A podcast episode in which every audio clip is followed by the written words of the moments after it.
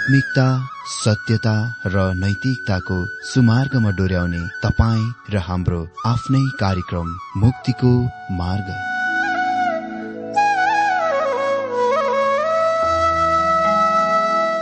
आदरणीय श्रोता यस मुक्तिको मार्ग कार्यक्रममा हार्दिक स्वागत छ। आशा छ यस आत्मिक कार्यक्रमद्वारा जीवनमा आत्मिक आशिष अलौकिक शान्ति र आनन्द प्राप्त गर्नुहुनेछ। र जीवनमा धन्य अनुभव गर्नुहुनेछ। आउनुहोस् श्रोता। मन र आत्माको तयारीको लागि यो मिठो अनि मधुर भजन गीत सुनौ।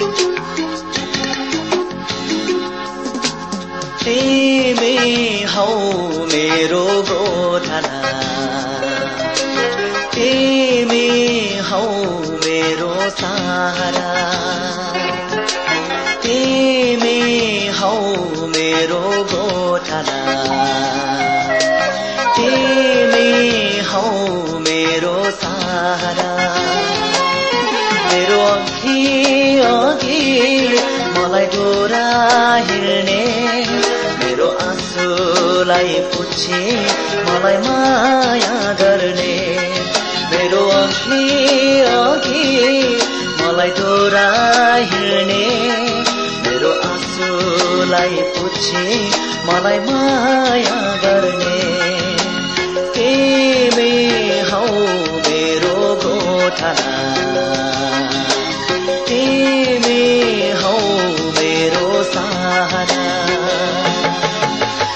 जयकार जय जयकार जय जयकार। गर्छु यसो तिम्रो जय जयकार। प्रशंसा प्रशंसा प्रशंसा। गर्छु यसो तिम्रो प्रशंसा। महिमा महिमा महिमा। गाउँछु यसो तिम्रो महिमा तिमी हौ मेरो गोठला तिमी हौ मेरो सहारा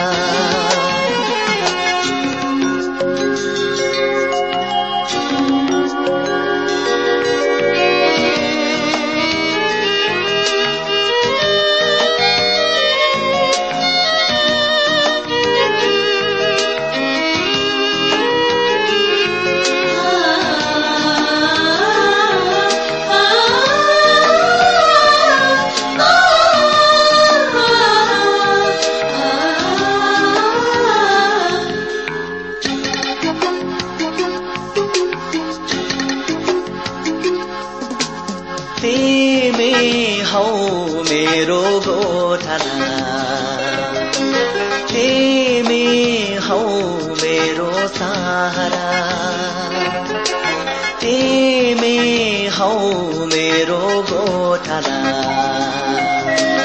तिमी हौ मेरो सहारा। मेरो अघि अघि मलाई डोरा हिँड्ने।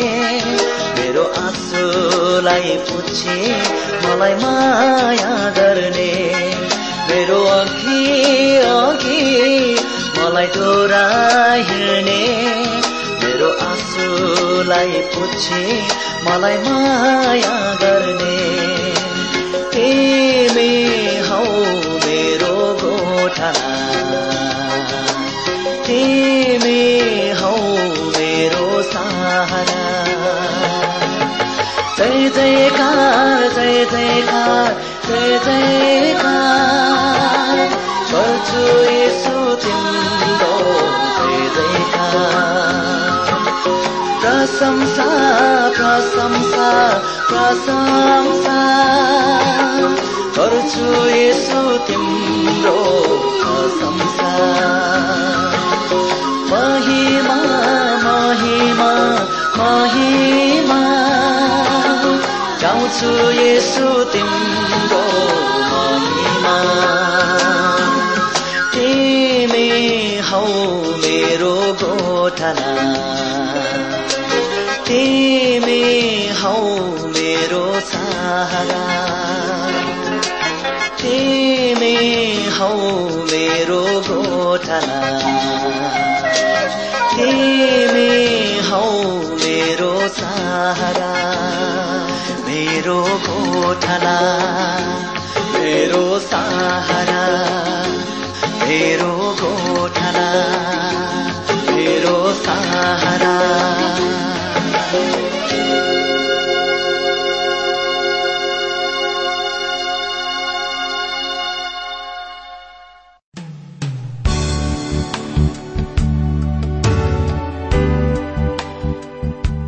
श्रोता यो प्रसारण मार्फत यो अवगत गराउन चाहन्छौ कि प्रभुको सेवाको लागि यहाँहरूको साझेदारी नित्यन्त आवश्यकता छ। यहाँहरूले प्रार्थनाको साथसाथै आर्थिक सहायता गर्न अनुरोध गर्दछौ। तपाईँहरूको सानो भन्दा सानो भेटी किन नहोस्? हामी प्रभुको नाममा स्वीकार गर्नेछौ प्रभुको सेवाको लागि। तपाईँहरूको यो सानो लगानीले कसैको जीवनमा भिन्नता ल्याउँछ अनि प्रभुको महिमा हुन्छ? प्रभु तपाईँहरूलाई महान गरी आशिष दिनुहुनेछ।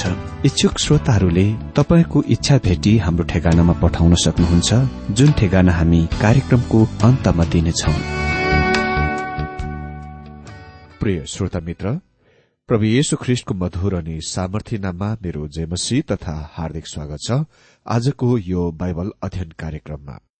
श्रोता आज हामी बाइबल अध्ययन जकरिया सात अध्यायबाट आरम्भ गर्न गइरहेका छौं। श्रोता जकरिया सात र आठ अध्यायलाई मैले ऐतिहासिक विराम वा ऐतिहासिक बीचको समय नाम दिएको छु। यो हागाईको सानो भविष्यवाणीमा हामीसँग भएको कुरासँग अति नै धेरै मिल्दोजुल्दो छ। त्यस भविष्यवाणीको बीचमा हागाईलाई पुजारीहरू कहाँ व्यवस्था सम्बन्धीको प्रश्न सोध्न अर्थात शुद्धिकरण पवित्रकरण सम्बन्धको व्यवस्थाको बारेमा प्रश्न सोध्न पठाइएका थिए। जुन अनुष्ठानिक रूपले अपवित्र अशुद्ध कुराले शुद्ध र पवित्र कुरालाई छुन्छ के त्यसले शुद्ध वा पवित्रलाई अशुद्ध वा अपवित्र पार्दछ? त्यसको उत्तर हो हा निश्चय नै त्यसले शुद्धलाई पवित्रलाई पनि अशुद्ध वा अपवित्र पार्दछ। जकरियामा यहाँ ऐतिहासिक विराम वा ऐतिहासिक बीचको समयमा हामीसँग उही एउटै किसिमका समस्याहरू साना अलग अलग कोणबाट आएका छन्। त आज हामी बाइबल अध्ययन जकरिया सात अध्यय एकदेखि लिएर सात पदसम्मबाट देख्न गइरहेका छौं। सर्वप्रथममा हामी देख्नेछौ धार्मिक कर्मकाण्ड र धर्मविधि जुन उपवासको सम्बन्धमा प्रश्न। जक्रिय सात अध्यय एक पदमा यस प्रकार लेखिएको छ तर दारा राजाको चौथो वर्षमा किस्लेप महिनामा अर्थात नवौं महिनाको चौथौ दिनमा परम प्रभुको यो वचन जकरिया कहाँ आयो। यहाँ चाकलग्दो कुरा के छ भने फेरि जकरियासँग यी मानिसहरूको निम्ति सन्देश छ। अनि यो अति नै महत्वपूर्ण सन्देश हो। उसले यो स्पष्ट पार्दछन् कि यो उसको स्वयंको सन्देश होइन तर यो परमेश्वरबाटको सन्देश हो। भनिएको छ दारा राजाको चौथो महिनामा किस्लेप महिना अर्थात नवौं महिनाको चौथो दिनमा। यदि तपाईँ यसलाई अंग्रेजी पात्रो अनुसार डेट अनुसार राख्नुहुन्छ भने यो चार दिसम्बर पाँच सौ अठार ख्रिष्ट पूर्वमा थियो। यो उही समय अवधिमा हागै मानिसहरू कहाँ अति नै व्यावहारिक रूपमा बोलिरहेका थिए। परमेश्वरको वचन।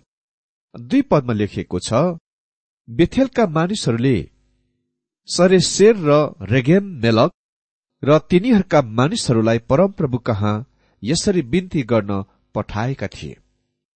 अर्को शब्दमा यहाँ हामीसँग बेथेलबाट पठाइएका मानिसहरूका प्रतिनिधिहरू छन् जुनको अर्थ अर्थात बेतेलको अक्षरस रूपमा अर्थ हो परमेश्वरको घर। त्यसलाई याकुबद्वारा परमेश्वरको घर नाम दिइएको थियो त्यस समय। जब याकुबले सोचे उनी परमेश्वरबाट साथै उसको पिता र उसको दाजु एसौबाट टाढा भागिरहेका थिए। उसले एक रात त्यस स्थानमा बिताए अनि परमेश्वरले उसलाई त्यहाँ दर्शन दिनुभयो। याकुबले बेतेलको बारेमा भने उत्पत्ति अठाइस अध्यायको सत्र पदमा यो त परमेश्वरको घर बाहेक अरू केही होइन रहेछ। यो त स्वर्गीयको ढोका पो रहेछ। बेतेल उत्तरी राज्य इसरायलमा स्थित थियो अनि त्यो नै एक दुई स्थान हो जहाँ यरबाम राजाले पूजा गर्न एउटा सुनको बाछाको मूर्ति त्यहाँ खडा गरेका थिए। यी बेतेलका प्रतिनिधि मण्डल यहुदाका कुलका मानिसहरू थिएनन्। तिनीहरू सम्भवत एप्राइमका कुलका मानिसहरू थिए। यी प्रतिनिधि मण्डलहरू बेतेलबाट आउने कुराले यो संकेत गर्दछ आज कि धेरैको विचार यो छ कि दश कुलहरू गुम भए। तर यहाँ यस कुराले यो संकेत गर्दछ कि गुम भएका हराइएका भनिने दश कुल कति पनि गुम भएका वा हराएका थिएनन्। तिनीहरू कोही कोही बेतेलमा बसोबास गरिरहेका थिए। यदि तपाईँ एज्राको पुस्तक अति नै होसियारपूर्वक र ध्यानपूर्वक पढ्नुहुन्छ भने तपाईँले पत्ता लगाउनुहुन्छ कि धेरै मानिसहरू जो बाबेलको कैदबाट ती सहरहरू र गाउँहरूतिर फर्किआए जुन वास्तवमा गालिलको समुद्रको उत्तर थियो त्यो क्षेत्र जुन दश कुलहरूका थिए र जुनलाई उत्तरी राज्य इसरायलको रूपमा जानिन्दथ्यो। सम्पूर्ण बाह्र कुलहरू इसरायलका बाह्र कुलहरू ती फर्की आउने इसरायलीसँग आएथे यद्यपि अति नै कम मानिसहरू करिब साठी हजार भन्दा कम संख्यामा त्यस बेला मानिसहरू त्यो कैद पछि आफ्ना मुलुकमा फर्किआएथे मेरो मित्र त्यहाँ हराएका वा गुम भएका दश कुलहरू छैनन्। कैदबाट फर्किआउनेहरू निश्चय नै र स्वाभाविक रूपमा ती आफ्ना आफ्ना स्थानहरूमा फर्किगएथे जुनबाट तिनीहरू फर्किआएथे। अनि तिनीहरूमध्ये धेरैजना उत्तरी भागतिर गए जुन उत्तरी राज्य थियो। उत्तरी इसरायल राज्य थियो। अनि बेबिलोन अर्थात बाबेलको कैदमा हुँदा धेरै मानिसहरू त्यहाँ नै जन्मेका थिए। तिनीहरूमध्ये शेरशेर र रेगेन मेलेक थिए। किनकि तिनीहरूका नाम बेबिलोनी वा बाबेलको नामहरू हुन्। अनि तिनीहरू पनि यहुदीहरूको रूपमा आफ्ना आफ्ना कुलहरूमा फर्किआए। मित्र त्यहाँ गुम भएको हराएका दश कुल भनाउँदाहरू कति पनि हराएका वा गुम भएका छैनन्। दुई पदमा लेखिएको छ यहाँ बेथेलका मानिसहरूले सरे शेर र रेगेम मेलक र तिनीहरूका मानिसहरूलाई परमप्रभु कहाँ यसरी बिन्ती गर्न पठाएका थिए। अनि तीन पद।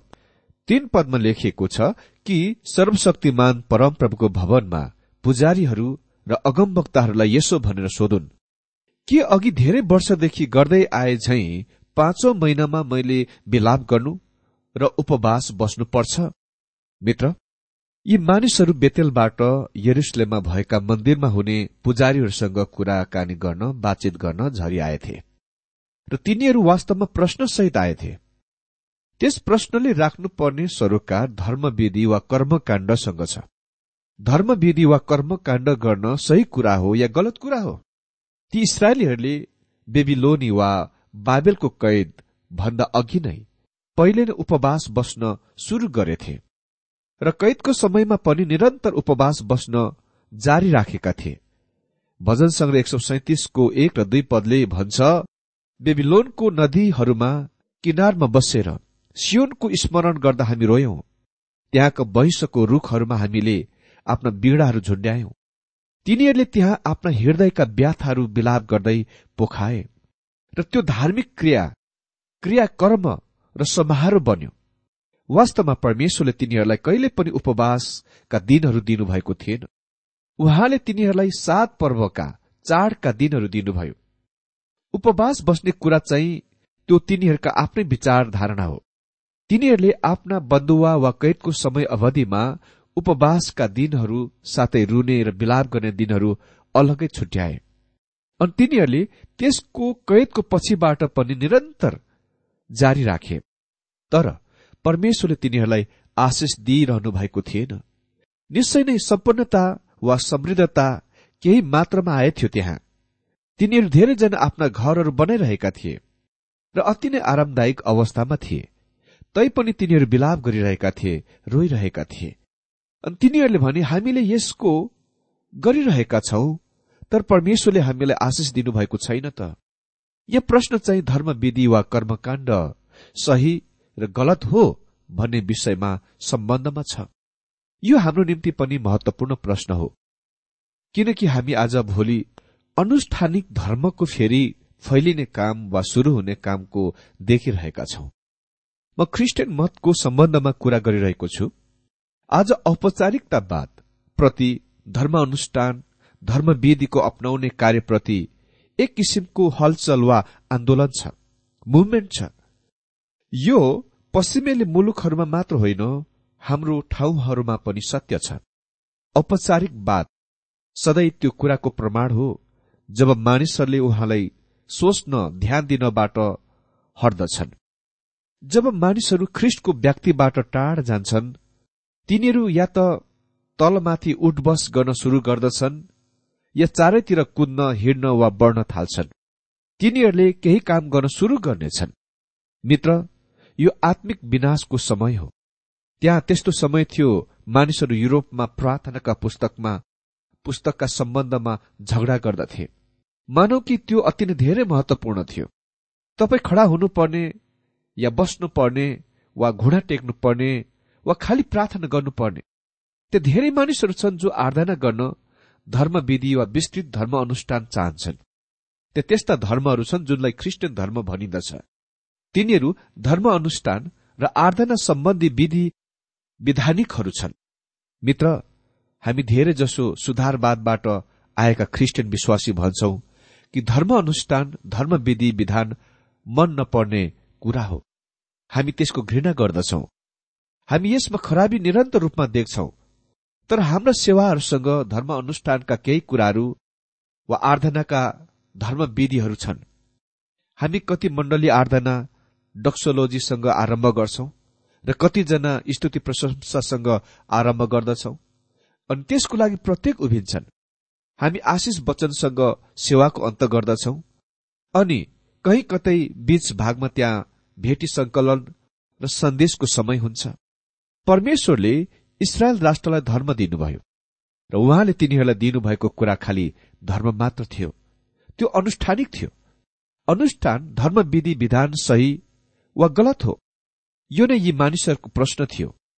तिनी भन्छन् हामी उपवास बसिरहेका छौं विलाप गरिरहेका छौं रोइरहेका छौं र अहिले यो अति नै मूर्ख कुरा अल्पबुद्धि देखाइ पर्दछ। यो अति नै धेरै पटै लाग्दो बोरिङ भइरहेको छ। त्यसो त यो हामीले गरिरहेका कुरा धार्मिक संस्कार हो र हामीले यसबाट कुनै परिणामहरू पाइरहेका छैनौं। परमेश्वरले हामीलाई आशिष दिइरहनु भएको जस्तो देखाइ पर्दैन कि हामीले यसरी निरन्तर यो कार्यलाई जारी राख्न सक्छौ राख्नुपर्ने हो त? अनि हामी निम्न पदहरूमा देख्छौ तीन तहका वा कायदाका उत्तरहरू। जकरियाले यो प्रश्नको सम्बन्धमा परमेश्वरको उत्तर दिनेछन्। परमेश्वर बाहिर निस्कि आउनु भएर यो भन्नुहुन्न उपवास बस्नु गलत कुरा हो। न उहाँ भन्नुहुन्छ त्यो उपवास बस्नु सही हो। उहाँले त्यस प्रश्नको सिधै उत्तर दिनुहुन्न। हामीले यो कुरा पत्ता लगाउँछौ कि धार्मिक अनुष्ठानको सम्बन्धमा यो प्रश्नको वास्तवमा तीन तहका उत्तर छन्।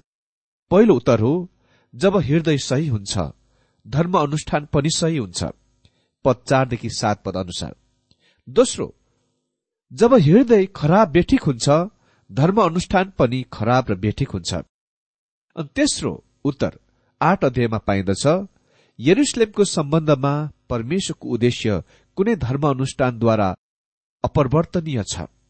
त्यसले आज धेरै मानिसहरूका कुराको उत्तर दिनेछ जसले भन्छ ख्रिस्टको आगमनलाई चाँडो गर्न छिट्टो गराउन त्यो फल्ना फल्ना काम गरौं। मेरो मित्र तपाईँले गर्ने कुनै प्रकारको कामले एक सेकेन्ड पनि छिटो गर्न सक्नुहुन्न। के तपाईँलाई थाहा छैन कि उहाँले यो विश्व ब्रह्माण्ड चलाइरहनु भएको छ? तपाईँले गर्नुहुने कुनै पनि कुराले कामले उहाँको कार्यक्रम र योजनाको हस्तक्षेप गर्न सक्दैन। आठ अध्ययमा परमेश्वरले तिनीहरूलाई यो कुरा अवगत गराइदिनुहुनेछ कि उहाँले आफ्नो उद्देश्य पूरा गर्न इरादा गर्नुहुन्छ। त आज हामी धर्म अनुष्ठानको पालन गर्ने गर्न ठिक कुरा हो या होइन? सो प्रश्नको प्रथम उत्तरको देख्छौ। जब हृदय सही वा ठिक हुन्छ धर्म अनुष्ठान पनि सही र ठिक हुन्छ। सात अध्यय चार पाँच पदमा यस प्रकार लेखिएको छ अनि सर्वशक्तिमान परमप्रभुको वचन म कहाँ आयो? देशका सारा मानिसहरू र पुजारीहरूलाई यसो सोध। जब जब तिमीहरू यी सत्तरी वर्षसम्म पाँचौं र सातौं महिनामा उपवास बस्थ्यौ र विलाप गर्थ्यौ तब के त्यो उपवास मेरै निम्ति गर्दथ्यौ र? मित्र यहाँ भनिएको छ तिमीहरू यी सत्तरी वर्षसम्म र पाँचौं र सातौं महिनामा उपवास बस्थ्यौ। यहाँ उल्लेखित सत्तरी वर्ष चाहिँ तिनीहरू अर्थात इसरायलीहरू बेबिलोनी अर्थात बाबेलको कैदमा रहेको समय अवधि थियो। अनि पाँचौं र सातौं महिना चाहिँ अंग्रेजी महिना अनुसार अगस्त र अक्टोबर हो। यस समयमा तिनीहरू उपवास बसिरहेका थिए विलाप गरिरहेका थिए। तर यहाँ परमेश्वरको प्रश्न छ तब के त्यो उपवास मेरो निम्ति गर्दथ्यौ र? परमेश्वर तिनीहरूलाई भन्नुहुन्छ जब तिमीहरू आफ्ना धर्म अनुष्ठानहरूका पालन गरिरहेका थियौ के तिमीहरूले त्यो मेरो निम्ति गर्यौ? के तिमीहरूले त्यो मेरो आदर मान गर्न र मलाई स्तुति प्रशंसा गर्न तारिफ गर्न गर्यौ? या तिमीहरूले विधि विधान प्रकारको विधानिक प्रकारको अभ्यासको रूपमा गर्यौ? यो विचार गर्दै कि यसो गरेर तिमीहरू म कहाँ ग्रहणयोग्य हुनेछौ? र तिमीहरूलाई आशिष दिन लगाउन मलाई विवश गर्नेछ। परमेश्वरले धर्म अनुष्ठानको न त स्वीकृत गर्नुभएको छ न त्यसको निन्दा नै गर्नुभएको छ। वा तिनीहरूका विचारहरू इच्छाहरू र उद्देश्यतिर खोज तलास गर्नुहुन्छ इरादातिर खोज तलास गर्नुहुन्छ। ती मानिसहरू भनिरहेका छन् कि यति धेरै वर्षदेखि उपवास राखिरहेका छन्। मित्र यहाँ रेखाहरू वा लाइनहरूको बीचमा पढ्न सक्नुहुन्छ। परमेश्वरलाई आराधना गर्न क्रिया तिनीहरूलाई वास्तवमा अति नै पट्टे लाग्दो भइरहेको छ। अनि परमप्रभु तिनीहरूलाई भनिरहनु भएको छ यदि तिमीहरू वास्तवमा सत्यताको जान्न चाहन्छौ भने म पनि तिमीहरूसँग अति नै धेरै दिक्क भएको छु। म सोच्दछु कि त्यहाँ कुनै क्रिस्चियन सेवा भनाउँदा सेवाहरूले उहाँलाई हाई गर्न लगाउनेछ। हाई गर्न लगाउनेछ। छ पदमा लेखिएको छ अनि जब तिमीहरू खान्थ्यौ र पिउँथ्यौ तब के तिमीहरू आफ्नै निम्ति भोजन गर्दैनथ्यौ र? परमेश्वर भन्नुहुन्छ तिमीहरू मेरो निम्ति उपवास बसेनौ। र जब उपवास सकिन्दथ्यो तिमीहरू भात रोटी खानलाई जान एकछिन पनि पर्खन सकेनौ। अनि जब तिनीहरू खाइरहेका थियौ के तिमीहरूले त्यो मेरो निम्ति गर्यौ? पाउले कुरन्थियनहरूलाई पहिलो कुरन्थी आठ अध्यायको आठ पदमा लेखे तर खाने कुराले हामीलाई परमेश्वरको दृष्टिमा बढी ग्रहणयोग्य बनाउँदैन। नखाँदैमा कुनै हानि छैन र खाँदैमा कुनै लाभ छैन। पाउल निरन्तर आफ्नो कथनलाई जारी राख्छन् र पछिबाट भन्छन् पहिलो कुरन्ती दश सदेखको एकतिस पदमा यस कारण चाहे तिमीहरू खाऊ अथवा पियो वा तिमीहरू जेसुकै गर सबै परमेश्वरको महिमाको निम्ति गर। यदि तपाईँ परमेश्वरको महिमाको निम्ति उपवास राख्न चाहनुहुन्छ भने गएर त्यो गर्नुहोस्। तर यदि तपाईँ त्यो अरू कुनै उद्देश्यको लागि गरिरहनु भएको छ भने त्यो बेकार छ। हाम्रो विश्वासी विश्वास खालि आराधनाको दिनमा आउने कुरा मात्र होइन। आराधनाको दिनमा हाम्रो सेवाको जाँच वा परीक्षा त्यो जीवन हो जुन अर्को दिनमा जिन्दछ। यो अध्यायको अन्तिम भागमा परमेश्वर तिनीहरू विशेष व्यापार सम्बन्धीको व्यवहार कारोबारहरूको तिनीहरूका सामाजिक सम्पर्कहरू र तिनीहरूका मनोरञ्जनको विषयमा इसरायलीहरूसँग व्यवहार गर्न गइरहनु भएको छ। यिनै ती कुराहरू थिए जुनले ती कुराहरूको प्रकट गर्दथ्यो। तिनीहरूले आफ्ना जीवनहरूका परमप्रभुको निम्ति कति पनि जिएका थिएनन्। मित्र धर्म अनुष्ठान भन्दा त्यहाँ केही त्यस्तो कुरा छ जुन महत्वपूर्ण छ। जुनले धर्म अनुष्ठान सही हो या गलत हो सो कुराको तय गर्दछ। सात पदमा लेखिएको छ जब यरुसलेम र त्यसका चारैतिरका नगरहरूमा स्थिरता र फलिफाप थियो र नेगेब तथा पश्चिमको तर स्थिर भएका थिए तब के अघिका अगमवक्ताहरूद्वारा घोषणा भएको परमप्रभुको वचन यही होइन र? यहाँ परमेश्वरले मानिसहरूलाई के भनिरहनु भएको छ भने तिनीहरू त्यस मुलुकको देशको जमिनमा भूमिमा हुँदा अघि पनि पहिले पनि यी तमाम धर्म अनुष्ठानहरूको पालन गरिरहेका थिए। र के भयो थियो? तिनीहरू बाबेलको कैद वा बन्दुवामा गएका थियौ। किनभने तिमीहरूले मेरो आज्ञा पालन गरेनौ। तिमीहरूले मेरा भविष्य वक्तारका आवाजलाई र कुरालाई सुनेनौ। मित्र हामीले आज देख्यौ जब हृदय सही र ठिक हुन्छ हाम्रो धर्म अनुष्ठान सही अनि ठिक हुन्छ। नत्र भने हाम्रो हृदय ठिक छैन सही छैन तर हामी उहाँको निम्ति तमाम प्रकारका कर्मकाण्ड गर्छौ वा त्यसमा भाग लिन्छौ त्यो व्यर्थमा जानेछ। त्यो बेकार हो। परमेश्वरले आजको यो बाइबल अध्ययनद्वारा हरेकलाई धेरै धेरै आशिष दिनुभएको होस्।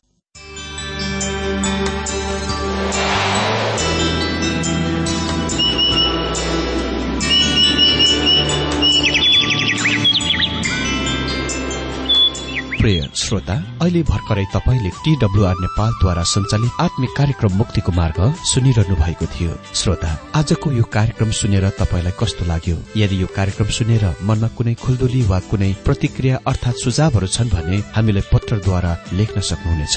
हामी हृदयदेखि नै स्वागत गर्नेछौ स्वीकार गर्नेछौ साथै बाइबल सम्बन्धित प्रचारहरू कार्यक्रम सारणीहरू हामी अनुरोधमा पठाउन सक्छौ। अनि तपाईँसँग कुनै प्रार्थनाको विषय छन् भने हामीले तपाईँको लागि प्रार्थना गरेको चाहनुहुन्छ। छ भने प्रभुमा आफ्नै परिवार सम्झेर हामीलाई पत्रमा लेख्न सक्नुहुनेछ।